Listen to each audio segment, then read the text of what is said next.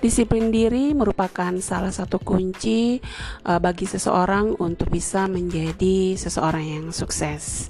Oke, selamat pagi, selamat siang ataupun sore untuk anak-anak. Uh, kembali bersama dengan saya dalam pembelajaran budi pekerti. Nah, hari ini kita akan belajar uh, dengan tema pokok yaitu disiplin diri. Apakah yang dimaksud dengan disiplin? Menurut Eli, disiplin merupakan suatu sikap yang menunjukkan kesediaan untuk menepati atau mematuhi ketentuan, tata tertib, nilai-nilai, serta kaidah-kaidah yang berlaku. Nah, disiplin ini mengandung asas ketaatan, yaitu kemampuan untuk bersikap dan bertindak secara konsisten berdasarkan pada suatu nilai tertentu. Penerapan disiplin memiliki tujuan yang beragam. Di antaranya adalah satu, mengembangkan pribadi yang dapat mengendalikan diri dengan baik. Yang kedua, untuk menciptakan masyarakat yang tertib dan damai. Contohnya, kalau kita berkendaraan di jalan raya, maka kita harus mematuhi rambu-rambu lalu lintas sehingga tidak terjadi uh, kecelakaan dan lain sebagainya. Yang ketiga, untuk menciptakan individu yang memiliki rasa hormat terhadap otoritas atau kewenangan. Uh, jadi contohnya kalau di sekolah, maka ketika kalian datang ke sekolah, ikutilah tata tertib yang berlaku di SMA Taman Rama. Jadi kalau anak-anak mengikuti seluruh tata tertib dengan baik, itu berarti kalian memiliki rasa hormat terhadap otoritas atau kewenangan yang ada di sekolah. Yang keempat, memiliki rasa hormat pada sesama, baik itu terhadap gurumu, terhadap orang tua, terhadap teman, dan lain sebagainya. Dan yang kelima, eh, disiplin ini bertujuan untuk uh, supaya kita memiliki kebutuhan untuk melakukan hal yang kurang atau tidak menyenangkan. Artinya bahwa dalam kehidupan ini pasti saja ada hal-hal yang tidak kita sukai atau tidak menyenangkan bagi kita. Nah, biasanya atau kadangkala hal-hal yang tidak menyenangkan ini adalah sesuatu yang penting bagi kita dan harus kita laksanakan. Nah, dengan disiplin maka kita akan belajar untuk uh, berusaha melakukan sesuatu walaupun hal tersebut tidak kita sukai demi kebahagiaan diri sendiri. Lalu bagaimana ciri-ciri siswa yang menunjukkan bahwa dia adalah orang yang disiplin?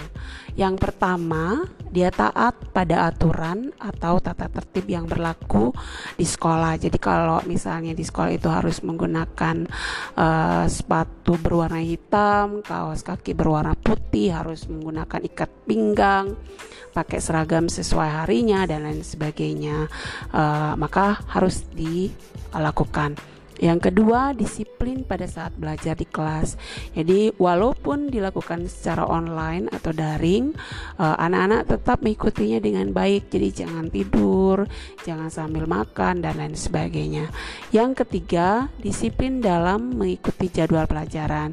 Jadi, uh, kalian harus memasuki kelas itu sesuai dengan jam pelajarannya dan uh, mata pelajaran yang uh, harus diikuti. Dan yang keempat, belajar itu harus secara teratur. Jadi kalau di sekolah misalnya kalian sudah belajar 4 jam, maka di rumah atau di luar jam sekolah kalian harus menambah dengan belajar secara mandiri misalnya dengan membuat uh, tugas kemudian belajar untuk ulangan ataupun menyiapkan diri untuk pembelajaran uh, keesokan harinya nah itu tidak perlu cukup tidak perlu membutuhkan waktu yang cukup banyak, tetapi kurang lebih setiap harinya itu disediakan waktu untuk belajar secara mandiri selama satu jam.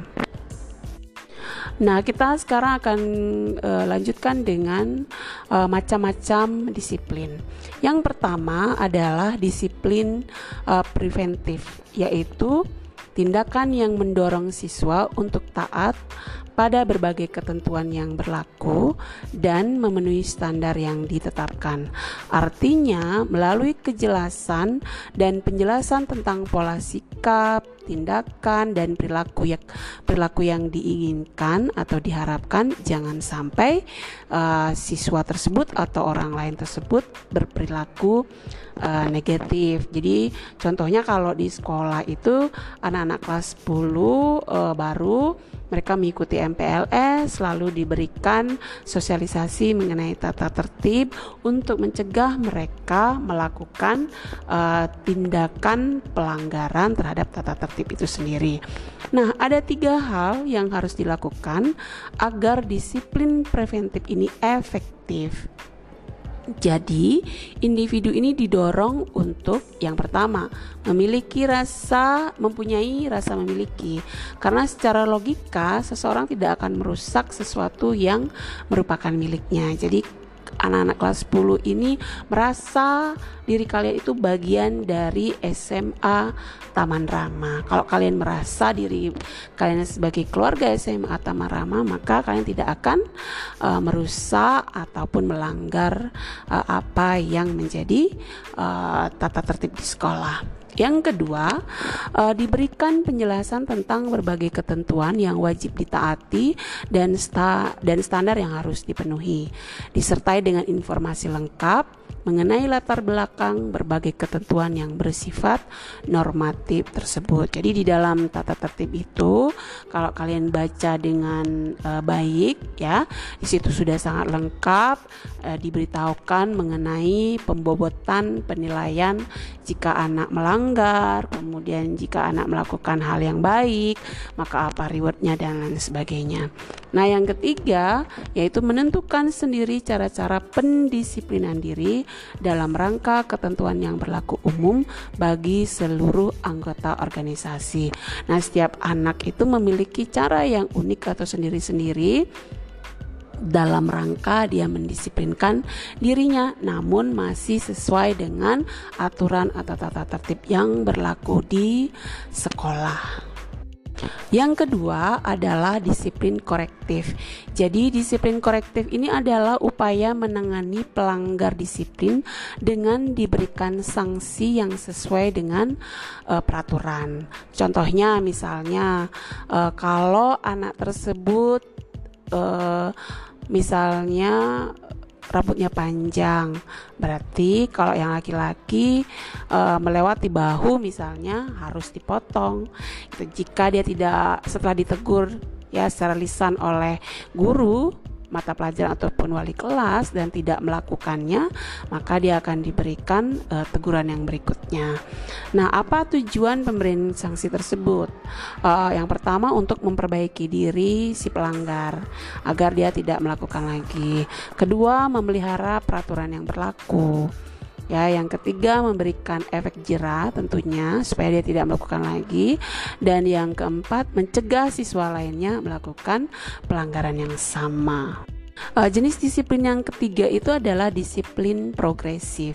Jadi apa itu disiplin progresif?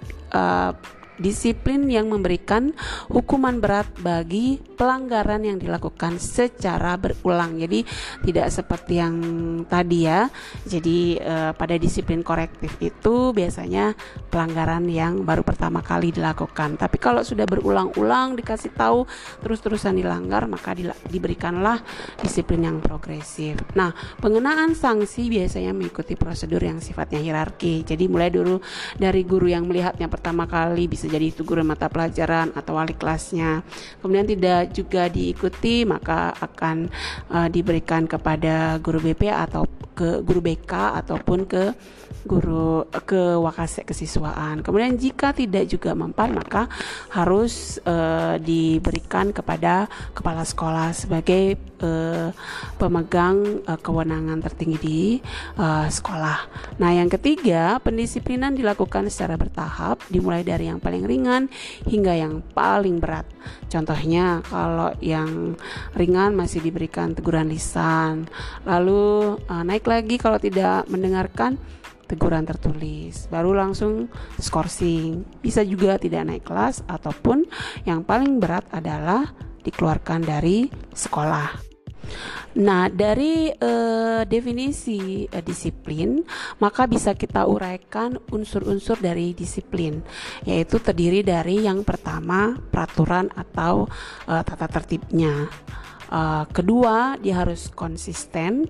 Uh, jadi ini untuk juga uh, keadilan bagi yang lainnya. Nah, ketiga, hukuman. Jadi jika dilakukan suatu pelanggaran, maka dia akan diberikan hukuman.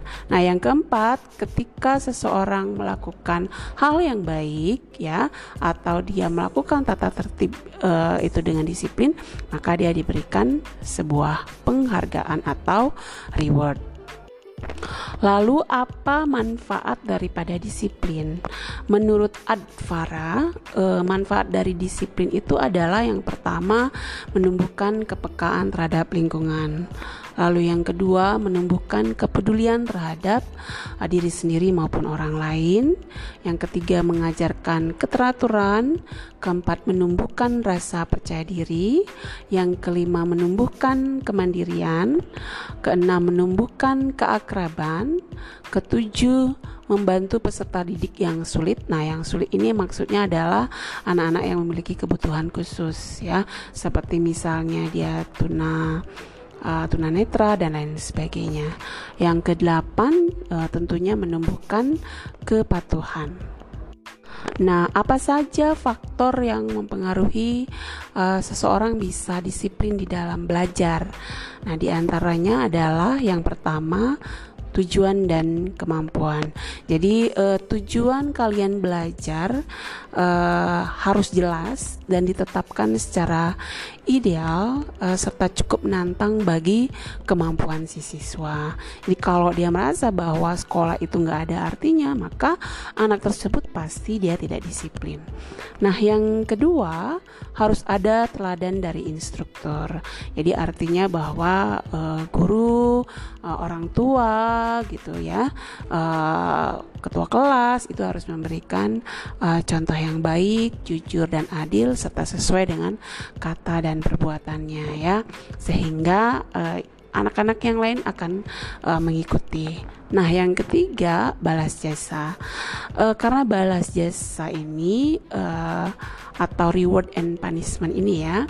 Jadi siswa akan uh, memberikan kepuasan dan kecintaan pada sekolah sehingga dia disiplin. Artinya misalnya kalau dia melakukan sesuatu hal yang baik, disiplin, maka diberikan hadiah, maka ini akan uh, menimbulkan semangat bagi si siswa untuk uh, melakukan kedisiplinan-kedisiplinan berikutnya.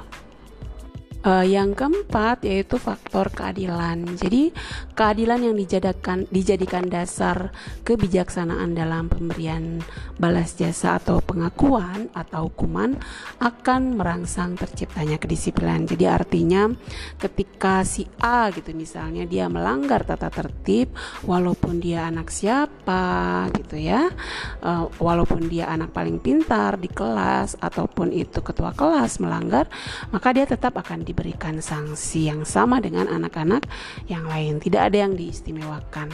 Nah, yang kelima yaitu pengawasan melekat. Ini artinya bahwa uh, guru sebagai uh, pihak ya uh, di sekolah harus aktif dan langsung mengawasi perilaku, moral, sikap, gairah belajar, dan prestasi belajar peserta didik uh, karena faktor ini yang paling nyata dan efektif sebenarnya di dalam uh, menumbuhkan atau mempengaruhi disiplin belajar siswa. Nah, faktor yang keenam itu adalah sanksi atau hukuman. Jadi, sanksi hukuman harus ditetapkan berdasarkan pertimbangan yang logis, masuk akal, dan diinformasikan secara jelas kepada semua peserta didik.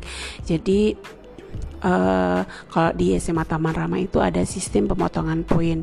Jadi satu semester diberikan 100 poin, kemudian jika terjadi pelanggaran maka akan dipotong poinnya. Nah, sanksinya itu disesuaikan dengan berapa jumlah uh, poin yang berkurang. Jadi silakan anak-anak baca kembali tata tertib yang sudah kalian terima. Uh, berikutnya adalah faktor ketegasan. Tegas dan berani bertindak untuk menghukum setiap peserta didik yang indisipliner sesuai dengan sanksi hukuman yang telah ditetapkan. Jadi ini bersinergi dengan keadilan ya.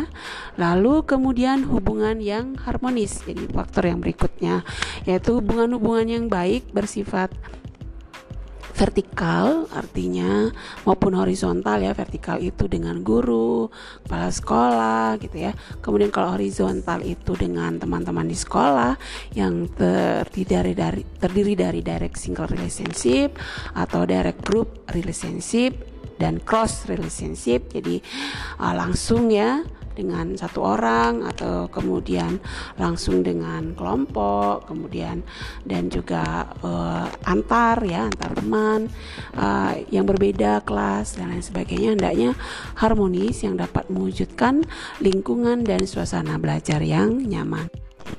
Nah, yang terakhir uh, kita akan bahas mengenai prinsip-prinsip uh, disiplin menurut Hussein.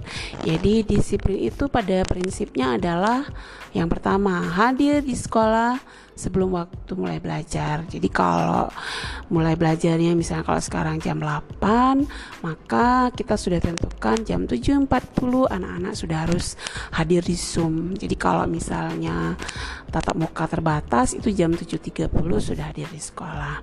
Yang kedua, belajar sesuai dengan prosedur ataupun aturan sekolah. Itu sudah jelas ya ada di tata tertib yang ketiga adalah patuh dan taat kepada saran ataupun perintah guru atau kepala sekolah.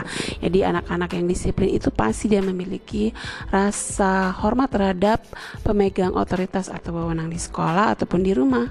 Kalau di rumah ya berarti dengan orang tua. Ya, yang keempat, ruang belajar dan perlengkapan selalu dijaga dengan bersih dan rapi. Jadi kalau di rumah belajar gitu ya, di atas meja itu singkirkan buku-buku yang tidak digunakan atau peralatan yang tidak digunakan dan hanya ada buku pelajaran pada saat itu. Begitu juga dengan di sekolah. Yang kelima, menggunakan peralatan belajar itu dengan efektif dan efisien. Yang keenam, menggunakan jam istirahat tepat waktu dan meninggalkan tempat setelah lewat jam belajar. Ini sudah jelas ya.